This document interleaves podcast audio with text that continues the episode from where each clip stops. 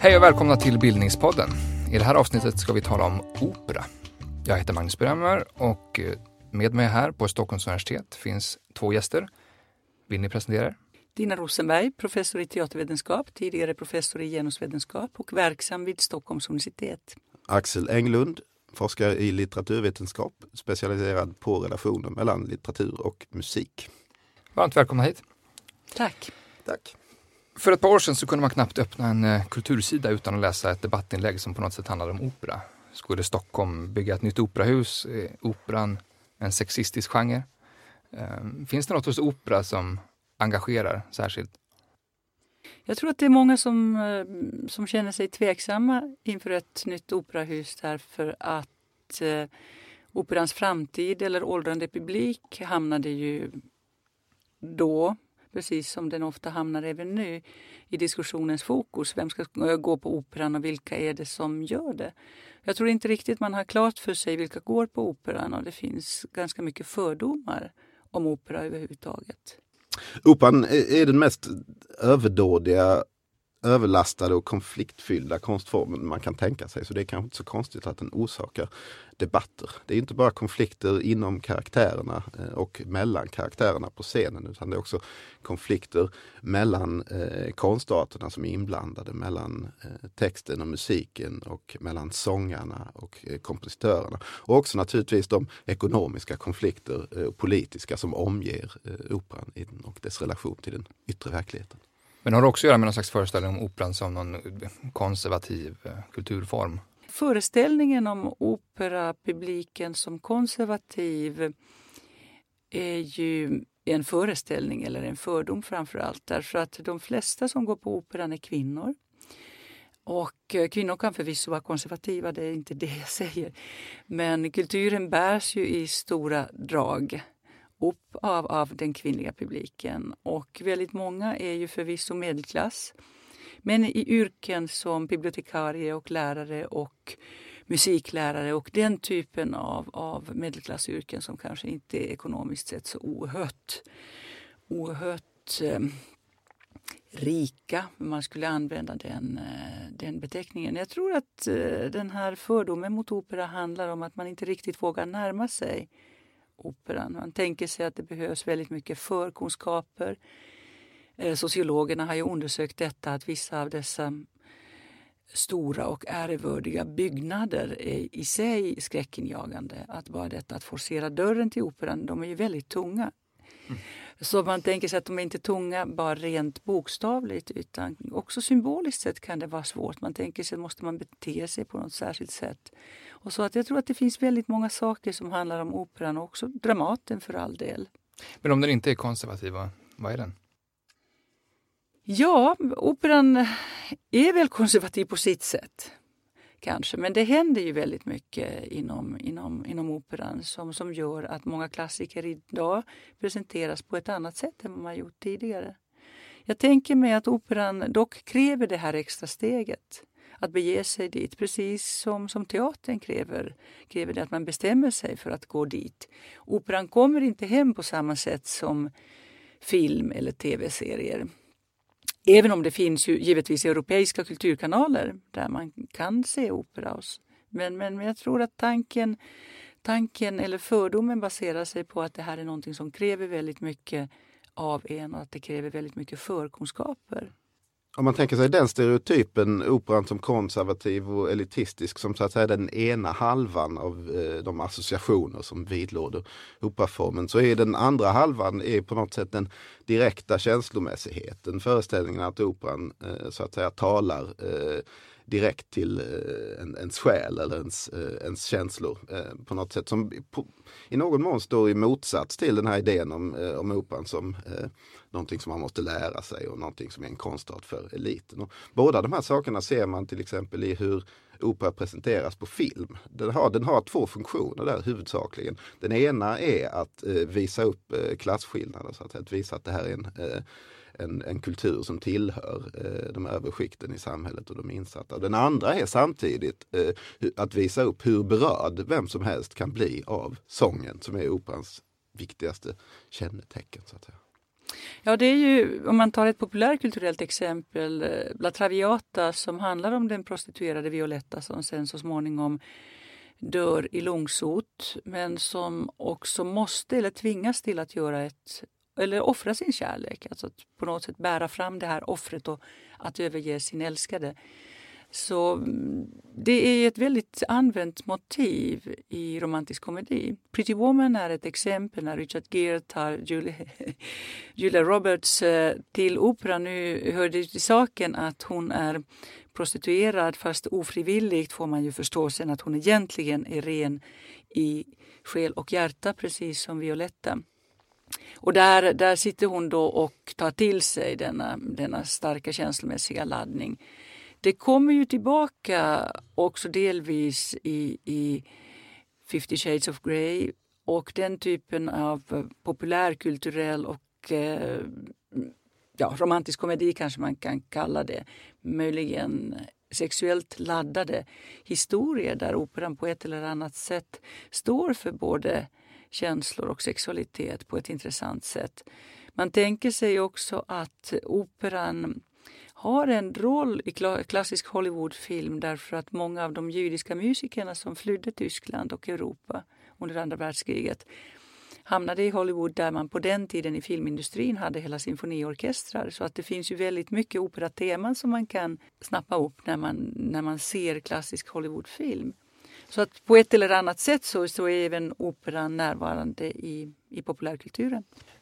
Finns det något hos operan i sig som, som gör att den lättare blir föremål för den här typen av symbolisk användning? Eller så? Det är väl känslorna. Det är väl känslorna. Det finns ju väldigt många tacksamma exempel eh, i, i operan som, som, som kan lätt symboliskt sett överföras. Men jag skulle ändå hålla, hålla med Axel om den saken att eh, att det framför allt inom populärkultur så är det opera och klassisk musik som oftast förknippas med ett kulturellt kapital. Att det, då har man antingen av börd och den vana som har funnits i familjen av bara farten kommit in eh, i, i den högre kulturella sfären eller sen att man intresserar sig för detta eller sen att man är sångare eller musiker själv. Så det är ju klart att eh, det finns en föreställning av, av, av en klassposition men det framförallt handlar det om symboliskt kapital. Det är ju det som är ju min poäng här att det inte alltid handlar om kapitalstarka personer i sig. Men visst använder man ju symfonikonserter och opera också som representation. Och Eh, man har ju också försökt lära upp svenska affärsmän, inte bara svenska utan nordiska överhuvudtaget, att man ska helst känna till vem Beethoven är, att man ska kunna gå på konserter ute på kontinenten där man ju oftast blir medbjuden eh, på något högkulturellt evenemang eller finkulturellt evenemang. Och att man ska då också stå ut med långa operaföreställningar. Och det här är ju någonting som jag bara av en slump har kommit att erfara därför att jag har haft kollegor som också har dragit in lite extra cash genom att undervisa just om, om masterpieces, alltså mästerverken, mästerverken så att man inte står där sen med sina oputsade skor och kulturella icke-bildning när man ska göra affärer. Ja, men så att operan blir en sinnebilden för det klassiska bildningsarvet? Så. Absolut, absolut. Det måste man ju ändå säga att det, så är det. När och var uppfördes den första operan? Ja, det finns många olika kandidater till vad som egentligen är den första operan. Men för att ge ett eh, generellt svar så kan man säga i Florens eh, kring år 1600. Vad hände där då? Det som händer där är att eh, operan uppstår eh, ur en kombination av många olika faktorer. Eh, en av de faktorer som brukar framhållas är att ett antal filosofer och teoretiker satt och spekulerade kring hur det antika dramat egentligen läts när det framfördes. Eh, och då visste man ju att det hade inte varit talat utan sjunget. Men det var också allt man visste så att säga. Eh, men det man sökte då eh, var ett idiom som både som kombinerade det musikaliska eh, sången med någonting eh, talat och deklamatoriskt. Så att säga. Ett, ett, ett slags eh, medelväg mellan de två sätten att använda rösten. Så det är en, den så att säga, intellektuella historien bakom operan. Samtidigt så finns det en annan eh, aspekt som, som är lika viktig, nämligen den, eh, nämligen den sceniska. Det fanns på den här tiden ett eh, slags eh, pausunderhållning som kallades för eh, intermedi som framfördes i, alltså, mellan akterna i teaterstycken.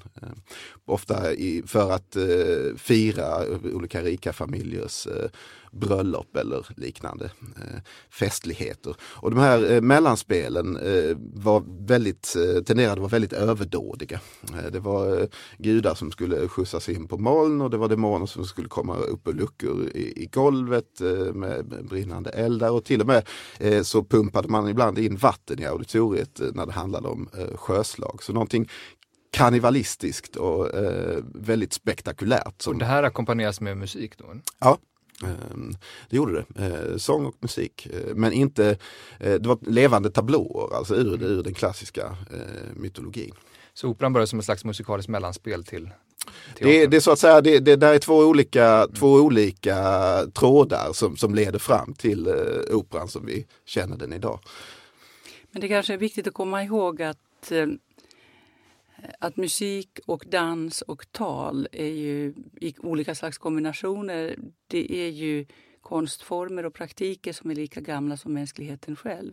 Så man tänker sig att om människans förmåga att berätta, berätta är det som, som kännetecknar det mänskliga och också det vi humanister studerar så har man ju alltid haft ett behov att berätta olika saker på olika sätt. Och då vet vi ju att från den tiden då inte boktryckarkonsten fanns och inte skrivna texter på det sättet som, som senare så har man ju framfört olika saker alltid till musik. Så att dansen är till exempel omöjlig att datera. Och på samma sätt som musiken eh, på olika sätt är ju svår att datera när den börjar och när den slutar och hur allting blir. Så att den här typen av dramatiserade berättelser att sjunga och dansa och berätta saker. Så de, är ju, de har ju alltid funnits med. Men precis som Axel säger här, där, där, när blir det eh, ett skifte? Vi börjar tala om teater när vi talar om antikens Grekland. Man skulle lite ironiskt kunna säga att det därför att det finns plötsligt en scen och ett auditorium som vi känner igen som teater. Då har man fortfarande inte ett tak. Det är först romarna som kommer med det. Så ibland just det här att det, är, att det finns en institution. Att det finns hus där man framför olika saker, i det här fallet opera och sådär. Så det blir ju ofta, historiker har ju länge på något sätt utgått ifrån det att okej, okay, det som liknar det sätt på vilket vi uppför saker idag. Att okej, okay, där, där började men, men, men behovet att eh, berätta historier till musik och till dans så, så de, har ju, de har ju alltid funnits på sätt och vis. Ja, vi kanske också säga det att på Kungliga Teatrarna i, i Stockholm fortfarande på 1800-talet så hade man egen orkester så att även talteatern framförde man till musik. Så musiken är ju, har ju varit en viktig del av det teatrala berättandet. Eh, om, om man tänker Florens eh, 1600-tal och framåt, den tidiga operahistorien. Eh, kan du beskriva uppförandesituationen? De allra, de allra första, mm, det som man brukar betrakta som de allra första exemplen på opera eh, som till exempel eh, en opera som heter Daphne av eh, Jacopo Peri eh, och en eh, opera som heter Evridike av samma kompositör kring år 1600. Eh, och sen också Monteverdis eh, Orfeo som brukar omtalas som det första mästerverket så att säga, i genren. Den tidigaste opera som fortfarande spelas eh, regelbundet, så att säga, 1607. De uppfördes under väldigt eh, blygsamma omständigheter för en väldigt liten publik i ett rum eh, snarare på en, än, än, på en scen. Men när, de här, eh, när operan får den här spektakulära eh, scenkaraktären när det där, där det ska imponera. Det, det är från, från 1637 i, i, eh, i Venedig är ett eh, viktigt årtal därför att det är första gången man börjar ta betalt eh, av en publik eh, alltså för, för, som, som är intresserad av att komma och lyssna. Så att säga. Och då uppstår förstås också behovet av att locka den här publiken eh, för att kunna finansiera de här enorma eh, kostnaderna som alltid är förknippade med operan. Och i Venedig sen under de närmaste 50 åren så växer operans popularitet oerhört eh, eh starkt. Eh, Eh, I samband med att eh, sopraner och kastratsångare växer fram som superstjärnor så att säga, som vars gager överskuggar eh, både kompositörernas och textförfattarnas eh, eh, med råge. Så, att säga. så eh, får operan också den här eh, väldigt eh, karnevaleska karaktären. Den, eh, operorna i Venedig framförs under karnevalsäsongen, alltså mellan ja, slutet på året och fastan eh, ungefär. Så det är, det är en, en, miljö, en stämning av eh, eh, eh, fullständigt hämningslöst eh, firande. Alltså även in i salongen medan operan uppförs? Så. Ja, eh, absolut. Det, den här idén med att man ska sitta tyst eh, i eh, andäktligt, andäktligt lyssnande under operan, det är en väldigt sent påkommen idé som man i, kanske jag brukar förknippa med Wagner, eh, som är den som först tänker sig att eh, att man ska för det första ha det eh, släckt i salongen och att eh, publiken ska vara tyst eh, och eh, sitta och insupa eh, det stora konstverket som försiggår. Tidigare under eh, den här operans ehm, utveckling eh, i, i Venedig exempelvis så pratade man, eh, man ville, man gick dit eh, för att träffa folk. var det tråkiga recitativ så kunde man spela schack eller börja diskutera med de skådespelare för, som för tillfället inte sjöng. Och så vidare. Vilka är det som lyssnar? Är det folk från alla samhällsklasser? Ja, det är en intressant fråga därför att eh, operorna i Venedig hade ju loger så att man kunde alltså stänga fönstren eller dörrarna. Man behövde inte titta, titta på. Så att, eh, vi måste ju tänka oss på hur de europeiska städerna såg ut vid den här tidpunkten. Man hade en väldigt begränsad gatubelysning. Det var mörkt på kvällarna. Det fanns inte så många offentliga utrymmen där man kunde vara. Och Venedig förvisso är ju varmt, det är varmt på somrarna men inte särskilt varmt på vintrarna. Även om det inte heller är så kallt som, som, som här uppe i Norden. Men det är ju fuktigt och kallt ändå. Så att teaterhusen blir intressanta mötesplatser. Det för sig går allt möjligt där. Det är ju det är ju både mat och sex och det är politiska intriger och det berättas ju ganska mycket om de här, eh, om de här husen. Så det är en väldig trafik av människor som kommer och går. Detta att titta på det som pågår på scenen, det är ju någonting som man ägnar sig sporadiskt åt. Så att man kan säga att det här är en, en, ett exempel på en, en tidig kapitalism då man börjar ta betalt av publiken och börjar tjäna pengar på de stora stjärnorna. Så att scenkonstnärerna som ju har funnits även tidigare och också som redan under medeltiden fick ju de, de kringresande teatersällskapen fick ju betalt, mer eller mindre. Mm. Så nu kan man ju göra pengar på sin konst. Men det är ju mycket som pågår där. Så att det fanns ju det fanns ju förstås adeln som, som besökte teatrarna men det fanns också folket, folket som hade då möjlighet att betala den här avgiften. Långt senare, om vi eh, kanar fram till 1800-talet så brukade Stora Parisoperan ett par gånger om året ha gratisföreställningar för folket. Alltså så att man öppnade upp operahuset och alla var välkomna. Och det fanns ju då många som tyckte att oj vad det skräpades ner och oj vad det kom, kom en annan slags publik. Så att det var väl i, i Venedig när man väl byggde de stora operahusen så fanns det de som hade möjlighet att betala. Det var väl ofta en köpmansklass då som ja. kanske också befann sig i Venedig i samband med karnevalen så att säga. för det var då det fanns ett underlag för en betalande publik. Jag tror, den eh, aspekten som Tina nämnde på Parisoperan, det var också eh, Wagners vision att man Eh, Eh, skulle ha eh, ett operahus där eh, arbetarklassen fritt kunde ha tillgång till hans verk så att säga. Ja, många baserar väl nog sin uppfattning på opera utifrån just 1800-talskompositörer som Verdi, och Puccini och Wagner. Så när får operan sin, den här moderna formen? Ja, under 1600-talet skulle man ju kunna säga att... Redan då? Alltså. Mm. Ja, alltså den, den moderna, moderna, men alltså det som vi känner igen som, som opera. Med kompositörer, librettister, alltså formen, egna, e, egna hus, eh, biljetter, stjärnor och så vidare. Så detta växer fram eh, under operans stora genombrott eh, på 1600-talet. Och det är framförallt tack vare kastratrösten. Det finns ju alltid eh, en, en komponent av det spektakulära vad gäller operan. Så opera är ju inte de små känslornas eh, konstform. Det har ju Axel redan påpekat. Utan här ska det ju finnas någonting som, som är något utöver det vanliga.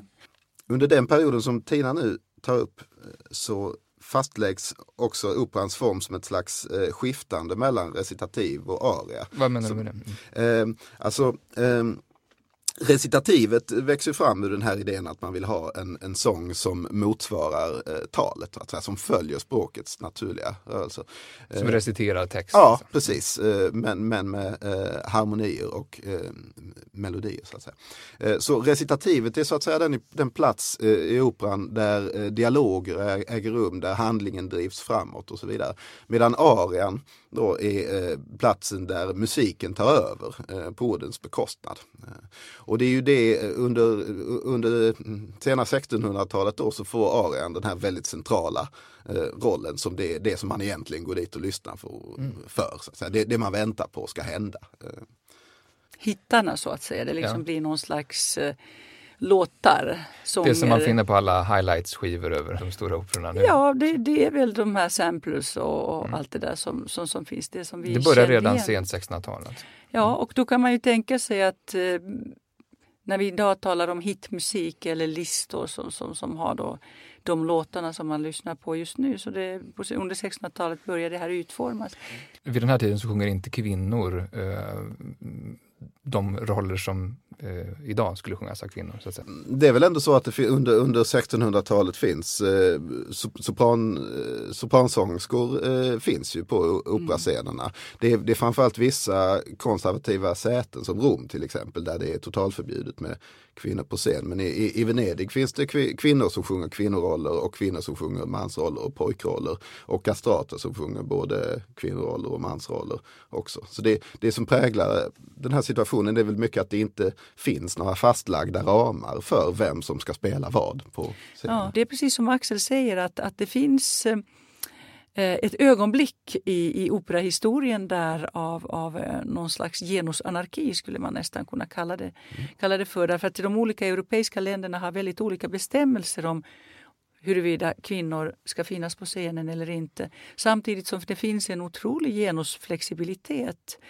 så att eh, det är ju väldigt viktigt att komma ihåg när man talar om, om, om scenkonstens historia och i det här fallet om operahistoria att det är inte så entydigt uppdelat mellan kvinnor och män historiskt sett. Men det... dessa uh, byxroller, alltså kvinnor som spelar män på scen, helt enkelt. Var, var, finns det några kända exempel? Ja, det, det, är klart att man, man tänker sig från, från 1700-talet så skulle vi ju kunna plocka fram Kerubin i Figaros bröllop, kommer senare. Av Mozart? Av Mozart. Eh, det är alltså en, en kvinna, en byxroll är en kvinna som oftast är mezzosopran, kan också vara allt. Det vill säga att har i alla fall det mörkare, mörkare registret vad gäller, vad gäller röst. Det är alltså en, en kvinna som, som kan råka ut för någonting som hon inte kan genomföra i kvinnokläder och då bestämmer hon sig mitt i dramat. Leonora kanske också i Fidelio, Beethovens Fidelio är ett sådant exempel. Man ska leta efter sin älskare eller sin fästman. Vågar inte bege sig ut på den farliga resan och klär ut sig till en man och tar av sig manskläderna sen så småningom. Ska man uppfatta det här som en maskerad på ett mer traditionellt sätt eller finns det någonting eh, könsöverskridande redan i de här operorna från början? Det här är en väldigt intressant fråga. På den tiden när jag sysslade mer aktivt med byxroller och presenterade mitt material på en konferens eh, så fanns det lite välvilliga men dock lite upprörda röster där, där det var några som sa att nej men på den tiden tänkte man inte på kön och sexualitet, att det här är en modern konstruktion. Att det är vi som nu har kommit med våra genusteorier och, och, och tänker oss, önsketänker oss historia på ett, på ett annat sätt. Det är intressant att titta på, på förlagan eh, till eh, Mozarts Figaro som är ju Beaumarchés Figaros bröllop, en talpjäs. Så där skriver Beaumarchais i scenanvisningarna att det, att det är en roll. Alltså Figaro, eller Kerubin där är en karaktär som ska spelas av en ung kvinna. Och eh, då är det en intressant sak eftersom det handlar om, om förvecklingar. Att det finns en spänning i detta att publiken sitter där och vet att det här egentligen är en kille eller var det nu är en tjej eller hur gick det här nu egentligen till? Att det finns någon slags spänningsmoment i detta att vi vet att det är en, en slags förväxlingskomedi. Hos Shakespeare, i Shakespeare-komedierna som ni vill ha det, Trettondagsafton, En midsommarnattsdröm, så används ju detta flitigt och där är det ju många dubbleringar av en och samma karaktär. Så att det är klart att det har funnits en komisk aspekt. Det har ju gått in i moderna komedier sen, det, det har vi ju fortfarande. Ni har båda nämnt eh, kastratsångare. Kan någon bara förklara kort vad det är för något? En kastratsångare är en, en vuxen man som kastreras för att man ska kunna behålla den fullvuxne mannens hela lungstyrka, alltså kapaciteten att sjunga med en vuxen mans röst men att kunna eh, bibehålla, eller att försöka bibehålla gossopranen, alltså den väldigt ljusa rösten som nu ändå blir kraftfull eftersom den utformas i den vuxne mannens kropp. Och det är ju en slags eh, aspekt som, som, som handlar om queer. Idag talar de om en queer, queer historia, alltså det som inte riktigt kan kopplas till kvinnor, kvinnor och män på det traditionella sättet som vi tänker oss, oss kvinnor och män ur ett genusperspektiv. Utan här får vi en, en mycket speciell form av scenartist. Kastraterna, eh, det ser man ju i källor från eh, samtiden, där omskrevs ju eh, väldigt mycket just just med fokus på eh, deras sexualitet och så vidare. Man föreställde sig dem som eh, på något paradoxalt sätt otroligt virila och framgångsrika eh, sexuellt. Och det förekommer oerhört mycket spekulation om de här kastratstjärnornas sexuella liv. Så att säga, som, som utan tvekan får sin näring just från den här eh, dubbelheten eh, könsmässigt som de utgör exempel på. Ja, och om vi tänker också till exempel eh, Pogaccios Decamerone och den typen av tidiga berättelser Uh, hur människor tillbringade sin tid. Nu råkade det vara pesten eller sen var det kolera eller sen var det någonting annat genom att berätta saker för varandra. Så så, men, eh, vi går till romersk, romersk poesi exempelvis. Vi, vi går till berättelserna. Så de har ju, de, alla klassiker har en sexuell komponent. Och den är ju på ett eller annat sätt förknippad med kön.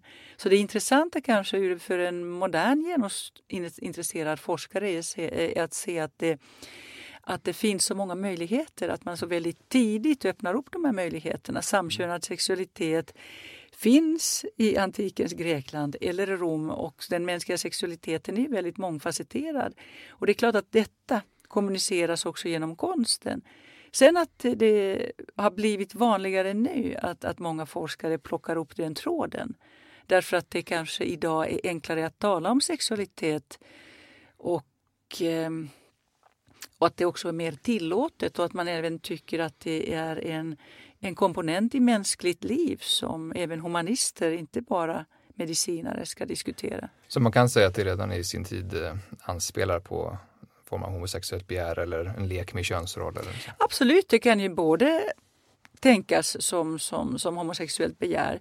Men också detta att saker och ting inte är så entydiga. Alltså kön och sexualitet är inte entydiga. Så att man skulle kunna säga, säga att den här hårda uppdelningen i mänskligheten i heterosexuella och homosexuella kanske mest har formats fram som en politisk nödvändighet. Inte så att det skulle vara mänskligt i sig, att det skulle vara så hårt uppdelat.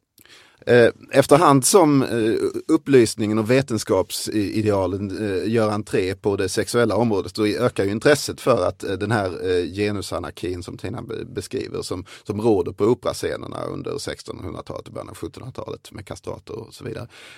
Att den, det, det, är ingen ordning, det är ingen ordning där, det måste, det måste på något sätt städas upp och då, då försvinner, kastraterna försvinner för att man kommer på att det är faktiskt etiskt tvivelaktigt ut och, och, och skära av testiklarna på små pojkar innan målbrottet. Eh, bara för att man ska få höra dem sjunga sen. Eh, och man besväras också mer av eh, den här dubbelheten som, som finns. Så det är därför de här rollerna som ja, men, till viss del Karubin men också framförallt Octavian är så att säga undantag vid den tiden. så att säga. De, de, har ju, de är inte längre regel utan, utan undantag. Med, medan eh, innan den eh, klassiska epoken, innan upplysningen bryter igenom så, så, är, det, eh, så är det ett eh, genuskaos som råder på scenen. Och det är också någonting som, eh, ska jag säga, de samtida eh, regissörerna väldigt gärna plockar upp när nu de tidigare barockoperorna, eh, Händel och ibland eh, ännu tidigare har börjat sättas upp igen efter 200 års eh, tystnad eh, så att säga. Som de samtida regissörerna väldigt gärna tar fasta på och lägger till ytterligare några eh, klädlager eh, i eh, genusidentiteterna så att säga för att skruva till det. Och det har väl varit spännande nu när vi tittar på, på utvecklingen på operascenerna och eh, iscensättningar att populär, den popularitet som barockoperan nu plötsligt åtnjuter handlar ju nämligen om dessa möjligheter. Och jag ser att de är eh, direkt kopplade till de diskussioner som förs idag om, om, om genus och sexualitet. Absolut. Så att eh, jag tänker att, att de perspektiven har levande gjort historien. Många av oss naturligtvis humanister, vi är ju uppfostrade med historiska studier inom våra konst, eh, respektive konstområden. Musik, litteratur, teater, dans, bildkonst och så vidare. Men, men eh, det finns ju väldigt många olika saker som ska upptäckas. Jag tror att historieskrivningen periodvis har varit ganska enkelspårig. Och då kom ju först kvinnoupproret och sen har det blivit queeruppror och sen nu är det postkoloniala studier som sätter agendan för, för, för forskningen. Och det visar sig att, att vår kulturhistoria har ju väldigt många intressanta bottnar. Att det inte är historien i sig som, som är tråkig utan möjligen förhållningssätten har varit lite begränsade. Ett vanligt argument är att, att operan är sexistisk i sig. Eh, stämmer det här? Då måste ju frågan ställas vad, vad är sexism? Catherine Clément som, som är en fransk eh, filosof uppmärksammade i en bok att kvinnorna dog på operan. Att det var framförallt den tragiska operans upproriska kvinnor som dog. Om det sen var för kniven eller de kastade sig över, över stup eller de hade mystiska sjukdomar eller att de, de bara dog så att, de är frekvent förekommande i operor? Ja, absolut. Så hon, hon gjorde en lista på de döda kvinnornas opera. Vi kan ju ta några sådana mm. operoriska exempel, exempelvis Carmen som är en arbetarkvinna som jobbar på en cigarettfabrik och som utmanar tidens konventioner, framförallt de sexuella konventionerna och får, får också sen sätta livet till. Hon får ju kniven i ryggen.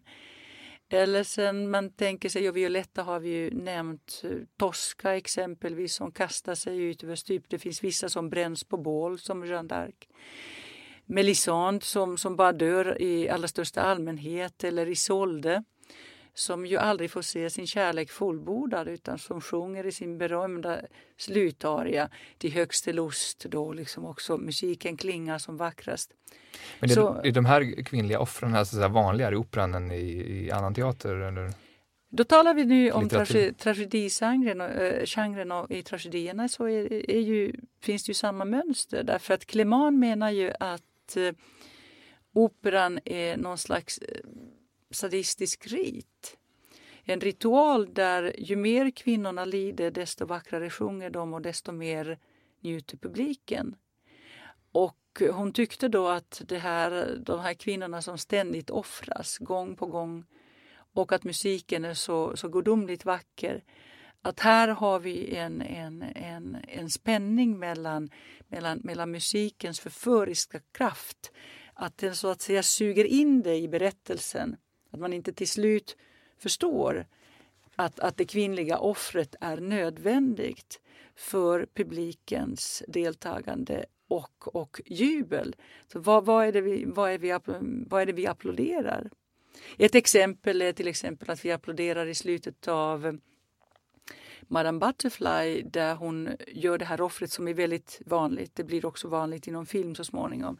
Alltså melodramens offer där kvinnan offrar sitt barn på ett eller annat sätt. Och Medea är naturligtvis det mest berömda exemplet och nu aktuellt i Daniel Börts nya opera.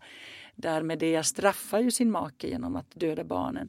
Men eh, i slutet av Madame Butterfly när, när innan hon begår självmord och ska ge sitt barn, överräcka sitt barn till den här fadern som, barnafadern som har övergivit henne och säger att men gå nu så du får ett bättre liv på ett eller annat sätt. Så, så är det ju jättesvårt efteråt att brista ut i bravårop eh, och, och applådera när man har varit med om detta. Och då kan ju två frågor ställas.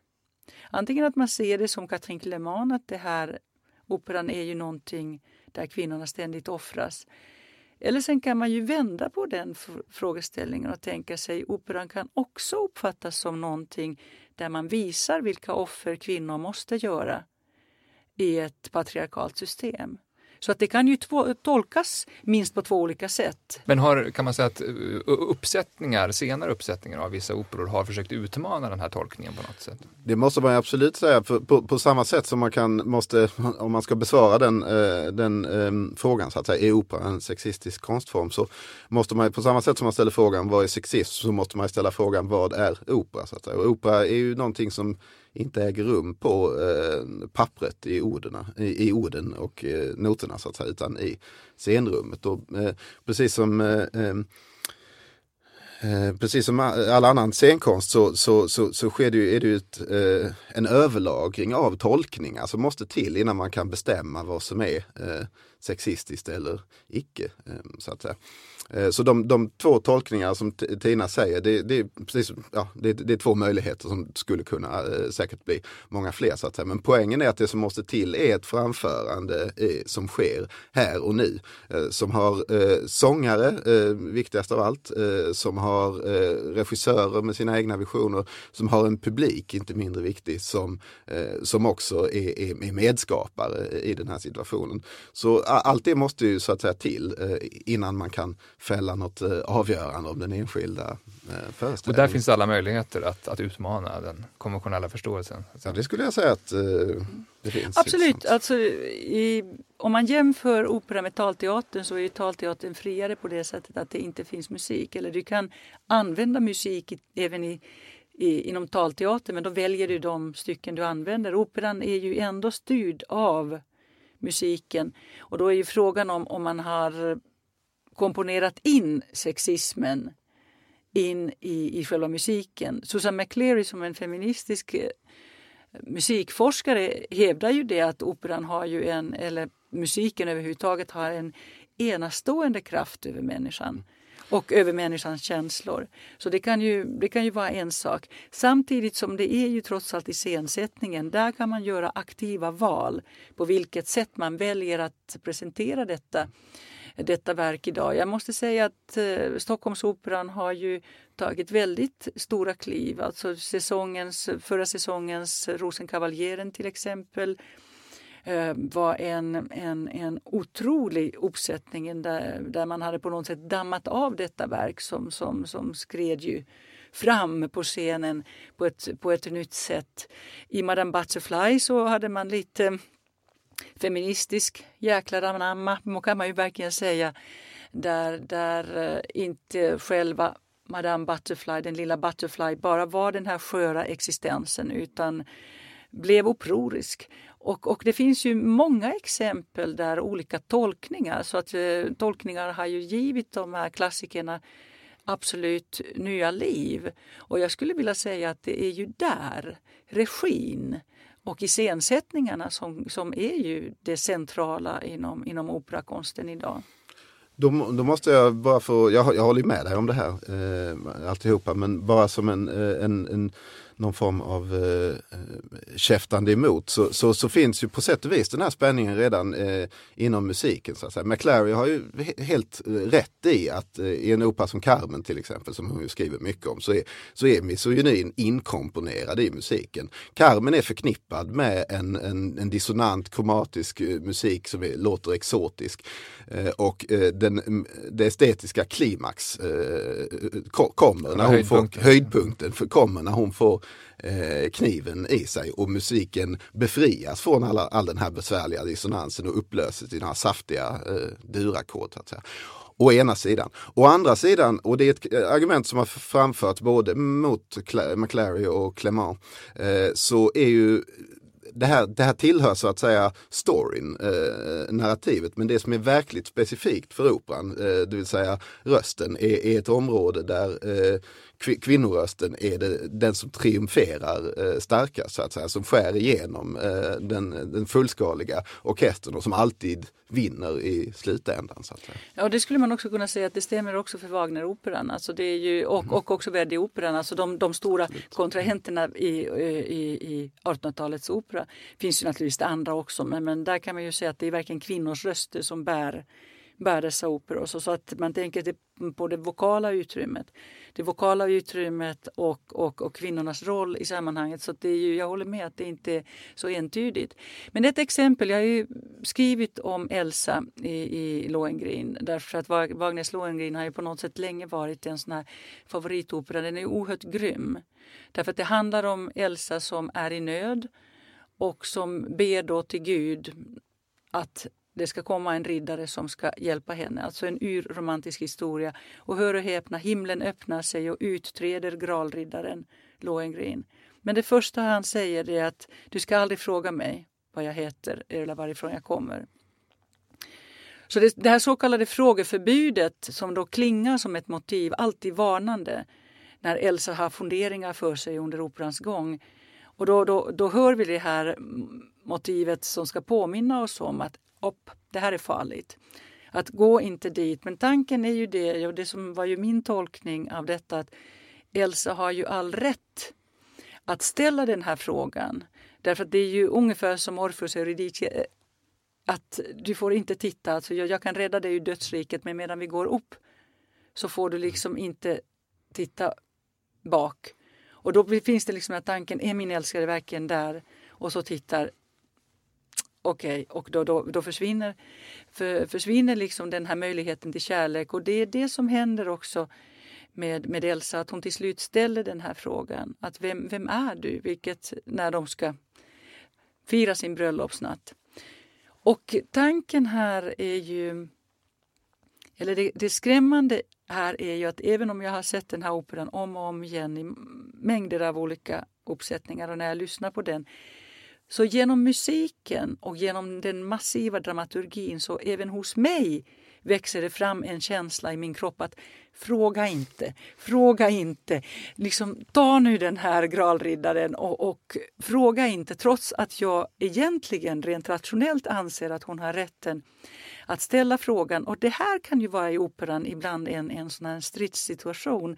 Musikens makt över en och hur den bär iväg med oss.